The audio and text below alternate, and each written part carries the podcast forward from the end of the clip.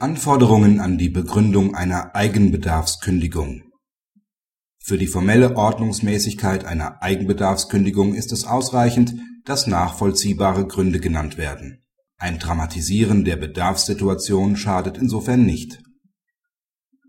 In einem dem BgH vorliegenden Verfahren kündigt die Erwerberin das Mietverhältnis, weil sich das Objekt für sie und ihre Tochter gut zum Wohnen und Arbeiten unter einem Dach eigne dass dies auch bei der jetzt von ihr angemieteten Wohnung der Fall ist, erwähnt sie nicht. Im Gegensatz zum Berufungsgericht geht der BgH davon aus, dass die Kündigung formell nicht zu beanstanden ist. Denn sie wird dem Zweck, dem Mieter die Gründe für das berechtigte Interesse darzulegen, hinreichend gerecht. Diejenigen Personen, für die die Wohnung benötigt wird, sind benannt.